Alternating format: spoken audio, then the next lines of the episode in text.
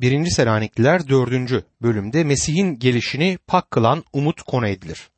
Mesih'in gelişi esenlik ve umut vaat etmektedir. Peki bu zaman içerisinde inanlılar nasıl yaşamalılar? 1. Selanikliler 4. bölüm 1. ayet şöyle der. Kardeşler nasıl yaşamanız, Tanrı'yı nasıl hoşnut etmeniz gerektiğini bizden öğrendiniz. Nitekim öyle yaşıyorsunuz.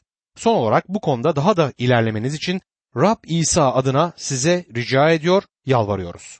Bu bölüm inanların Mesih'in ikinci kez gelişi ışığında yaşam yürüyüşlerini nasıl yapmaları gerektiğini bildirir. 12. ayette de rastladığımız nasıl yaşamanız gerektiği sözü inanlının Tanrısını hoşnut etmek için yürüdüğü yaşam yürüyüşüyle ilgilidir. Bu Mesih'in ikinci gelişine ilişkin sahip olduğumuz pratik bir olgudur. İleriye Rabbimizi havada, bulutlarda karşılayacağımız o güne doğru bakmak bize sevinç ve hoşnutluk verir. Ama sevgili kardeşim aynı zamanda şu an ayaklarımız yere basmakta ve yürümemiz gerekiyor. Bu yürüdüğümüz yol Tanrı'yı hoşnut eden bir yol olmalıdır. Tanrı'yı hoşnut etmek için nasıl yaşamanız gerektiğini bizden öğrenmiş bulunuyorsunuz diyor. İlerlemeyi sürdürmeliyiz. Lütufta büyümeli ve onun bilgisinde Mesih inanlısının yürüyüşü çok daha iyi olacaktır. Kutsal kitabın birçok bölümü üzerinde önemli durulmakta ve bu bölümde bu konuya değinmektedir. İnanlı bunu kendi hoşuna gittiği için yapmaz. Mesih'i hoşnut etmek için böyle yaşar. 1. Selanikliler 4. bölüm 2. ayette Rab İsa'nın yetkisiyle size hangi buyrukları ilettiğimizi biliyorsunuz der. Selanik'teki inanlıların yürüyüşleri dışında Elçi Paulus da onlara bazı buyruklar vermektedir. Anımsarsanız Rab İsa da bizlere bazı buyruklar verdi. Bu buyruklardan bazıları yenidir. Burada da Elçi Paulus Selanikli inanlara 10 buyruğun dışında yeni buyruklar vermektedir. Bu buyruklar Tanrı'nın Musa peygambere verdiği 10 buyruğun standartlarını aşan boyutlara inanlının yaşayışını taşımaktadır. 5. bölüme geldiğimizde inanlara verilen 22 buyruğu görüyoruz. Bu durumda doğal olarak şu soru sorulabilir. Eğer insan 10 emri uygulamayı başaramıyorsa daha yüksek düzeydeki bu buyrukları nasıl yerine getirecek? Kutsal kitap insanın 10 emri yerine getirmeye yeterli bulunmadığını açıkça bildirir. Elçi Petrus'un da itiraf ettiği gibi İsrail halkı 10 emri çiğnedi. Elçilerin İşleri 15. bölüm 7, 10 ve 11. ayetlerde şöyle der. Uzunca bir tartışmadan sonra Petrus ayağa kalkıp onlara kardeşler dedi. Öteki uluslar müjdenin bildirisini benim ağzımdan duyup inansınlar diye Tanrı'nın uzun zaman önce aranızdan beni seçtiğini biliyorsunuz. Öyleyse ne bizim ne de atalarımızın taşıyamadığı bir boyunduruğu öğrencilerin boynuna geçirerek şimdi neden Tanrı'yı deniyorsunuz? Bizler Rab İsa'nın lütfuyla kurtulduğumuza inanıyoruz. Onlar da öyle. Eğer on emir buyruklarını yerine getiremeyecek durumdaysak nasıl inanlının yaşamına yönelik daha üstün boyutlardaki buyrukları yerine getirebiliriz? Kişi bunu yalnız başına başaramaz. Bu ancak inanlının içinde konut kurmuş olan kutsal ruhun gücüyle uygulamaya konulabilir. Elçi Pavlus'un inanlara bazı buyrukları var. Bizler yasa altında değiliz ama yasasız da yaşamıyoruz. Düzene yani disipline ihtiyacımız var. Aynı zamanda Mesih'e itaat ederek yaşamamız da gerekir. Bu bir sevgi ilişkisidir. Bizleri motive eden güç sevgidir. Rab İsa Yuhanna 14. bölüm 15. ayette şöyle der. Beni seviyorsanız buyruklarımı yerine getirirsiniz. 1. Selanikliler 4. bölüm 3. ayette ise Tanrı'nın isteği şudur. Kutsal olmanız, fuhuştan kaçınmanız diyor. Kutsal kılınmak sözü çok muhteşem anlam taşır. Ama korkuyorum ki genelde yanlış anlaşılmaktadır. Eğer kutsal kitabı baştan sona gözden geçirecek olursanız bu sözün değişik anlamlarda kullanılmış olduğunu da göreceksiniz. Mesih'e ilişkin kullanıldığında burada da bu anlamda kullanılmıştır. O bizim üzerimizdeki kutsal demektir ve sen bu seviyenin üzerine çıkamazsın anlamını taşır. Öyleyse bu artık günahsız olduk anlamına gelmez. Tanrı için seçildik, ona ayrıldık anlamını taşır. Örneğin Elçi Petrus Tanrı'nın kutsallarının kutsal ruhla konuştuklarını 2. Petrus 1. bölüm 21. ayette şöyle söyler. Çünkü hiçbir peygamberlik sözü insan isteğinden kaynaklanmadı. Kutsal ruh tarafından yöneltilen insanlar Tanrı'nın sözlerini ilettiler. Ama bu kutsalların yaşamlarına baktığımızda bu kutsallıktan çok az eser görülmektedir. Örneğin Musa peygamber adam öldürmüştü. Davut harika mezmurlar yazdı ama o da katildi. Ama onlar kutsal kılınmışlardı çünkü Tanrı tarafına ait olmak için seçilmişlerdi. İnanlının kutsal kılınması kutsal ruhun işidir. Bu konuya ilişkin üç noktaya yeniden bakacağız çünkü bunlar önemli. Durumsal kutsal kılınmadır. Birincisi Mesih bizi kutsal kılan anlamına gelir. Seçilmişler arasındayız ve Mesih'i kabul ettiğimiz o andan sonra yeniden kurtarılacak veya kurtarılmaya gereksinimi olanlardan değiliz. Kim olduğumuz nedeniyle kabul görmedik. Mesih'in yaptıkları nedeniyle kabul edip kurtulduk. Bu kutsallık Mesih'te kusursuzluğu ifade etmektedir. Pratik kutsal kılınmada kutsal ruhun yaşamımızda işlemesi ve bizim yürüyüşümüzde kutsallığı üretmesi anlamını taşır. Bu pratik kutsallık bu bedende yürüdüğümüz ve eski günahlı Adem doğasını taşıdığımız sürece asla kusursuzluğa erişemeyecektir. Tamamlanmış, bütünlenmiş kutsallık ise gelecekte Mesih İsa'nın benzerliğinde değiştirileceğimizde gerçekleşecektir. O zaman her ikisi hem toplum hem de pratik anlamdaki kutsallık kusursuzlaşacaktır. Kutsal kılınmak sözünün sözlükteki anlamı Tanrı'ya ayrılmaktır. Kayıp kişi Mesih'e gelip onu kurtarıcısı olarak kabul ettiğinde Tanrı yararına ayrılır. Bu eski antlaşmada Tanrı çadırında açıkça öğretilmektedir. Tanrı eski antlaşmada inanlara çok basit yollarla büyük ruhsal gerçekleri öğretir. Tanrı çadırında yani tapınakta çeşitli kaplar ve kurban sunlarında kullanılan aletler bulunmaktaydı. Çölde dolanmakla geçirilen 40 yılın ardından çanaklar, tavalar, çatallar, kaşıklar oldukça eskimişti. Çok güzel göründüklerini de sanmıyorum. Herhalde her ev hanımı bunları atıp yenilerini alalım diyecekti. Ama Tanrı onları kutsal kaplar diye adlandırmıştır. Kutsaldılar çünkü Tanrı yararına kullanıma ayrılmışlardı. Onları kutsal kılan da işte buydu. Kutsallaşma demek İsa Mesih'e yaşamımızda yer vermek anlamını taşır. Onun yönetimini sevinçle kabul etmek, onun bende görülecek işine evet demektir. Mesih'in senin düşüncelerine karışmaya hakkı var mı? İsteklerini düzeltmesine izin veriyor musun? Yaşamının her alanını Mesih'e açıyor musunuz? Ölüme dek Mesih'in bizdeki işi bitmez. Önemli olan bizim kusursuzluğumuz değil, İsa Mesih'le birlikte yaşamayı sürdürmemizdir. Hem de sonuna kadar. 1. Selanikliler 5. bölüm 23 ve 24. ayetlerde ise esenlik kaynağı olan Tanrı'nın kendisi sizi tümüyle kutsal kılsın. Ruhunuz, canınız ve bedeniniz Rabbimiz İsa Mesih'in gelişinde eksiksiz ve kusursuz olmak üzere korunsun. Sizi çağıran Tanrı güvenilirdir, bunu yapacaktır diyor Tanrı sözünde. Aynı yol kişilere de uygulanmaktadır. Kişi Mesih'e geldiğinde kurtulur. Kurtuldu ve artık Mesih'e aittir. Elçi Paulus Tanrı'nın istemi şudur. Kutsal kılınasınız demektedir. Sen kutsal bir amaç için kullanılmaya, Tanrı yararına ayrıldın. Her Tanrı çocuğu yalnızca müjdeciler, vaizler değil, her inanlı Tanrı yararına kullanıma ayrılmıştır. Böylece rastgele cinsel ilişkiden uzak durmak gerekir. Yalnızca Selaniklilerin Elçi Paulus'un nasihatine gereksinimi olduğunu düşünmeyin. Düşünmeyin ki yalnızca günah ve özellikle bedene ait günah işleyenler Selaniklilerdi. Yalnızca Roma İmparatorluğu döneminde rastgele cinsel ilişki günahı yaygındı diye düşünmeyin. Bugün şeytana tapanların büyücülüğün hızla arttığına tanık oluyoruz. Üzerlerinde sihirli muskalar taşıyanlar, uğur için at nalından medet umanlar, üfürükçülerin kapılarında kuyruk oluşturanlarla dolu bir dünyada yaşıyoruz. Gazetelerin günlük sayfaları yıldız fallarıyla süslü. Güne bu fala bakarak başlayanlar çoğunlukta.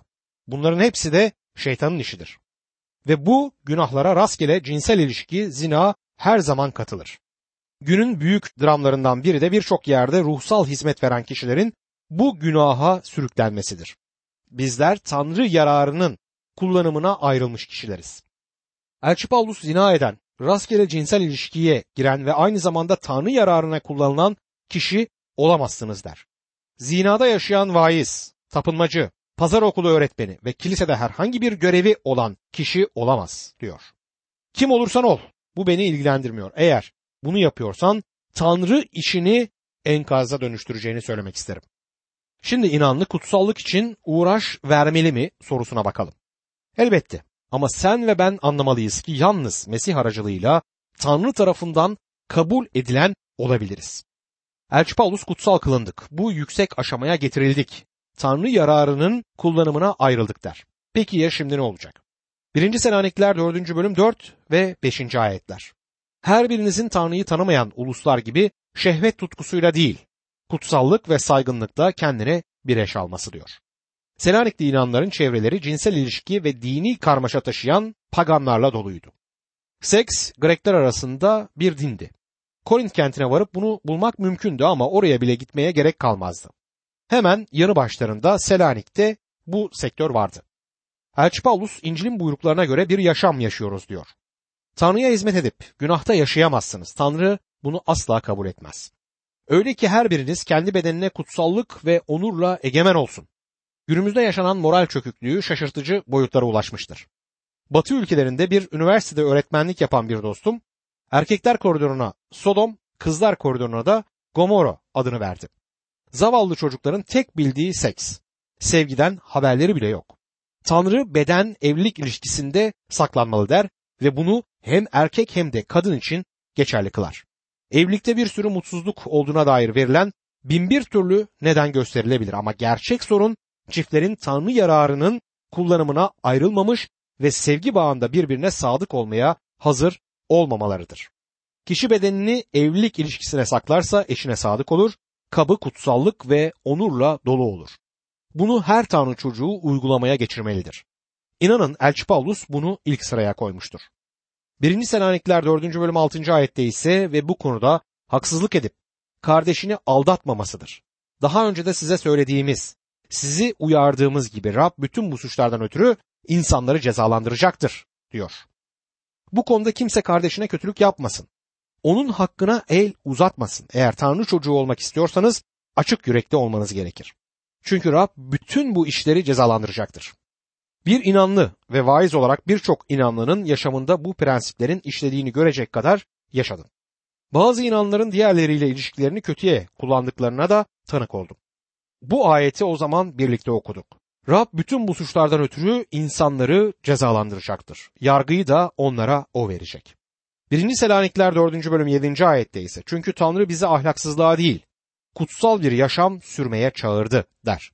Tanrı çocuğu günahta yaşamayı sürdüremez. Kayıp oğul bir süre domuz çobanı oldu ama domuz çobanı olarak yaşamayı sürdürmeyi istemedi. Kaybolan oğul öyküsünü İsa Mesih şöyle anlatıyor. Bir adamın iki oğlu vardı. Bunlardan küçüğü babasına baba varlığından payıma düşeni bana ver dedi. O da varlığını onların arasında böldü. Aradan çok geçmeden küçük oğul her şeyini toplayıp uzak bir ülkeye göç etti. Orada aşağılık bir yaşama dalarak neyi varsa saçtı savurdu. Elindeki her şeyin altından girip üstünden çıktıktan sonra ülkeye kırıcı bir kıtlık geldi. O da yoksulluk çekmeye başladı. Gitti ülkenin yurttaşlarından birine yanaşma oldu. Adam da onu çiftliklerindeki domuzları gütmeye saldı. Delikanlı domuzların yediği keçi boynuzlarıyla karnını doyurmak istediyse de kimse ona bir şey vermedi. Aklı başına gelince kendi kendine babamın bir sürü emekçisinin iyice yiyip doyduktan sonra bile arta kalan ekmeği var dedi. Oysa ben burada kıtlıktan kırılıyorum. Kalkıp babama gideyim. Göğün katında ve senin önünde günah işledim baba diyeyim. Bundan böyle oğlun olmaya yaraşır biri değilim. Bana emekçilerinden biri gibi davran. Kalkıp babasının yanına vardı. O daha çok uzaktayken babası onu görüp acıdı. Koşup boynuna sarıldı. Derin özlemle onu öptü. Oğul da ona göğün katında ve senin önünde günah işledim baba dedi. Bundan böyle oğlun diye tanınmak bana yaraşmaz. Ama baba uşaklarına şöyle buyruk verdi. Çabuk olun. En seçkin giysiyi getirip ona giydirin. Parmağına yüzük takın. Ayaklarına pabuç geçirin. Besil danayı buraya getirip boğazlayın. Yiyelim, eğlenelim. Çünkü bu oğlum ölüydü, şimdi yaşıyor. Yitikti ama bulundu.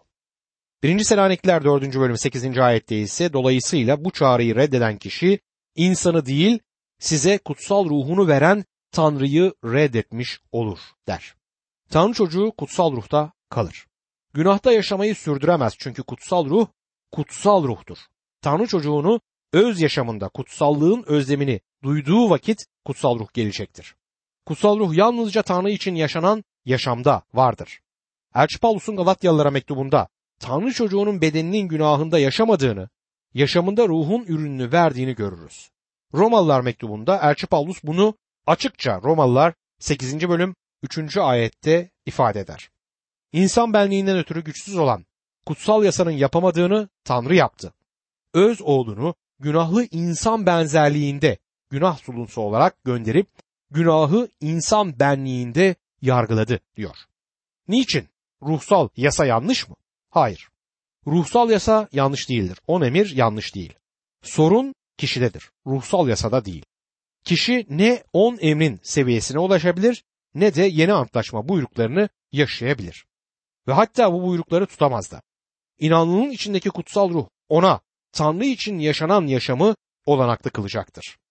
Tanrı kutsal ruhu her inanlıya verdi. Kutsal ruh kişi kurtulduktan sonra aranılacak nesne değildir. Kişi güvenini Mesih'e bağladığında Tanrı ruhu kişide konut kurar. Elçilerin İşleri 19. bölümde Elçi Paulus'un Efes'e varışında inanlı olduğunu söyleyen ama kutsal ruhu almamış kişilerle karşılaştığını okuyoruz. Kurtuluşlarında kutsal ruhu alıp almadıklarını elçi onlara sorar. Böylesi bir şeyi şimdiye dek duymadıklarını söylüyorlar. Bu kişiler Paulus'a yalnızca Yahya'nın vaftizini duyduk diyorlar. Elçi Paulus İncil'i onlara bildirir, kurtulurlar ve kutsal ruhu alırlar. Kutsal ruhu yalnızca iman edip Mesih'e gelince alabilirsin. O anda kişi kutsal ruhu alır ve kutsal ruhla vaftiz gerçekleşir ve inanlının bedenindeki yerini orada çalışmak üzere alır. Kişi bu olayın ardından ruhun çeşitli doluluklarını alabilir. Ama en önemli olan kutsal ruhu almaktır. Kutsal ruhun kalıcılığıdır. Yalnız kutsal ruhun içimizde olması bizi kutsal yaşam yaşama olanağını sağlayacaktır. 1. Selanikliler 4. bölüm 9. ayette kardeşlik sevgisi konusunda kimsenin size bir şey yazmasına gerek yoktur. Çünkü Tanrı size birbirinizi sevmeyi öğretti diyor. Burada sevgi öznedir. Bu açıklama daha da şaşkınlık yaratır. İnanlı kardeşlerini sevmelidir. Bu doğaüstü sevgi Tanrı öğretisidir. Ruhun ürünü sevgidir. Bu kuramsal bir sevgi türü değildir ya da soyut bir kavram değildir. Daha önce sevginin soyutta olmaması, somuta dökülmesi gerektiğinden bahsetmiştim. Böylesi sevgiyi sadece inanlının yüreğindeki kutsal ruh üretecektir. Dikkat edin Elçi Paulus kutsal ruhtan söz etmesinin hemen ardından kardeş sevgisinden konuyu açar. İmanda kardeşlik sevgisine gelince bu konuda size yazmama gerek yok diyor. Birbirinizi sevmek için Tanrı tarafından eğitilmiş kişilersiniz. Sevginin Tanrı çocuklarının taşıdığı bir işaret olduğuna inanıyorum. İsa Mesih de bunun böyle olduğunu söyler. Babanın beni sevdiği gibi ben de sizi sevdim. Benim sevgimde kalın. Eğer buyruklarımı yerine getirirseniz sevgimde kalırsınız. Tıpkı benim de babamın buyruklarını yerine getirdiğim ve sevgisinde kaldığım gibi diyor. Bunları size sevincim sizde olsun ve sevinciniz tamamlansın diye söyledim diyor. Benim buyruğum şudur. Sizi sevdiğim gibi birbirinizi sevin. Hiç kimse de insanın dostları uğruna canını vermesinden daha büyük bir sevgi yoktur. Size buyurduklarımı yaparsanız benim dostlarım olursunuz. Artık size kul demem. Çünkü kul efendisinin ne yaptığını bilmez. Size dost dedim. Çünkü babamdan bütün işittiklerimi size bildirdim. Siz beni seçmediniz, ben sizi seçtim. Gidip meyve veresiniz, meyveniz de kalıcı olsun diye sizi ben atadım. Öyle ki benim adımla babadan ne dilerseniz size versin. Size şu buyruğu veriyorum. Birbirinizi sevin diyor. Yuhanna 15. bölümde İsa Mesih. Bir arkadaşım bir defasında bana şunları anlattı. Yatılı okuldayken o da arkadaşımla güreştik, dövüştük, tartıştık, aynı kızı tavlamaya çalıştık ve bu türden daha ne varsa yaşadık. Bir gün kavgamız gerçekten ciddi boyutlara vardı. Odanın altını üstüne getirdik. Benim hakkımda düşündüklerini söyledi. Hiç de iç açıcı şeyler değildi. Sonra ben ona ilişkin ne düşünüyorsam söyledim. Benimkiler de onun söylediklerinden aşağı kalmadı. Ama birden kan beynime sıçradı sanki. Dur dedim. Sen Tanrı çocuğusun ve Tanrı çocuğunun sahip olması gereken en önemli özellik kardeş sevgisidir. Yuhanna bunu vurgular ve birinci Selaniklilerde de Tanrı kardeşini seveceksin der. Sen tanıdığım en çekilmez kişisin. Rastladığım en sevimsiz kişi olmana rağmen seni seviyorum. Bana şaşkın şaşkın baktı ve gülmeye başladı. Biliyorsun ben de seni seviyorum. Ve sen benden de berbatsın dedi. Sonra ikimiz de gülmeye başladık. Bu adam şimdi bir vaiz. Tıpkı benim gibi. Bir kez birbirimizi yeniden görme fırsatımız oldu. Hala inatçı biri ama onu seviyorum çünkü Tanrı çocuğudur. Ve sanıyorum o da beni seviyor. Bu Tanrı çocukları olduğumuzun kanıtıdır sevgili dostum. 1. Selanikler 4. bölüm 10. ayette gerçekte bütün Makedonya'daki kardeşlerin hepsini seviyorsunuz. Kardeşler size rica ediyoruz. Bu konuda daha da ilerleyin. Kardeşlik sevgisi gelişip büyümesi gereken bir alandır. Açıklıkla söylemek gerekirse bazılarının sevgisi soğuk. Bunu anlatan küçük bir tekerlemede yapılmış Avrupa'da. Göklerde inanlı kardeşlerle beraber olmak ah ne muhteşem olacak. Ama inanlarla aşağıda olmak nedir biliyorum. Neyse bu da başka bir hikaye diyor. Bu tekerlemede. Bu Selanikliler kardeşlerini sevdiler ama gerçekte sevgileri yaşamın derinliklerine dek inmedi. Sevgilerinde kusursuzluk yoktu ve sevgide gelişmeye hala ihtiyaçları vardı. Kişisel bazı çatışmalar ve sürtüşmeler aralarında olmalıdır bunlar yazıldığına göre. Bu tür kişilerle çok fazla vakit geçirmemek iyi olur ya da ellerimizi omuzlarına koyarak birlikte yürümeyelim. Bu onlardan nefret edeceğiz demek değildir. Onları yine de Tanrı çocukları olarak seveceğiz. Örneğin bir vaiz var. Kullandığı metotları beğenmem. Ama gerçekten diyebilirim ki onu seviyorum. Biliyorum ki kimse kalkıp İsa Mesih'i bu adam kadar harika bir şekilde tanıtamaz. Ve bunun için de onu seviyorum. Gerçek sınavımız kardeşlere karşı olan sevgimizdir. Eğer mavi boyalı kağıdı yaşamına daldırıp iyi bir inanlı olup olmadığını test edip açığa çıkartmak istersen burası işte bunun yapılacağı yerdir. Kardeşini seviyor musun? 1. Selanikler 4. bölüm 11. ayet. Size buyurduğumuz gibi sakin bir yaşam sürmeyi, kendi işinize bakmayı, ellerinizle çalışmayı amaç edinin diyor. Sakin bir yaşam sürmek ya da serin kanlı olmayı amaç edinmek bu inanlara yöneltilen ilginç bir buyruktur. Bugünlerde insanlara konuşma sanatının inceliklerini öğreten çok çeşitli türde okul var. Her kurs halka konuşma dersini mutlaka öğrencilerine verir. Belki de bir derste susma konusunda olmalıdır. Birçok inanlının böylesi bir dersi almaya ihtiyacı var. Hem de bunu bir an önce almalılar. Yani susmasını inanlı öğrenmelidir. Bir bayan dillerle konuşma konusunda bir seminere katılır. Öğretmeni onun dillerle konuşmaya ilgisi olduğunu düşünmektedir. Ona sorar. Hanımefendi dillerle konuşmaktan hoşlanıyor musunuz? Kadın yanıt verir. Hayır ben bu dilimden kurtulmaya çabalıyorum. Sakin, sessiz, serin kanlı olmayı öğrenmeyi amaç edinmeliyiz yaşamlarımızda. Bu bir buyruktur bizler için. Kendi işinizde uğraşın. Bu da bir başka güzel buyruk. Kendi işine bak demektir. Başkasının işine burnunu sokma. Sözünü çocukluğumdan bu yana işitmişimdir. Çıkart burnunu başkasına ait işlerden. Bu inanlar için iyi bir öğüttür. Sizlere vurgulamış olduğumuz gibi elinizle çalışın. Her inanlı yapmakla Tanrı'ya yarar sağlayacağı bir uğraşı olmalıdır. Bu harika olacaktır tüm imanlar için.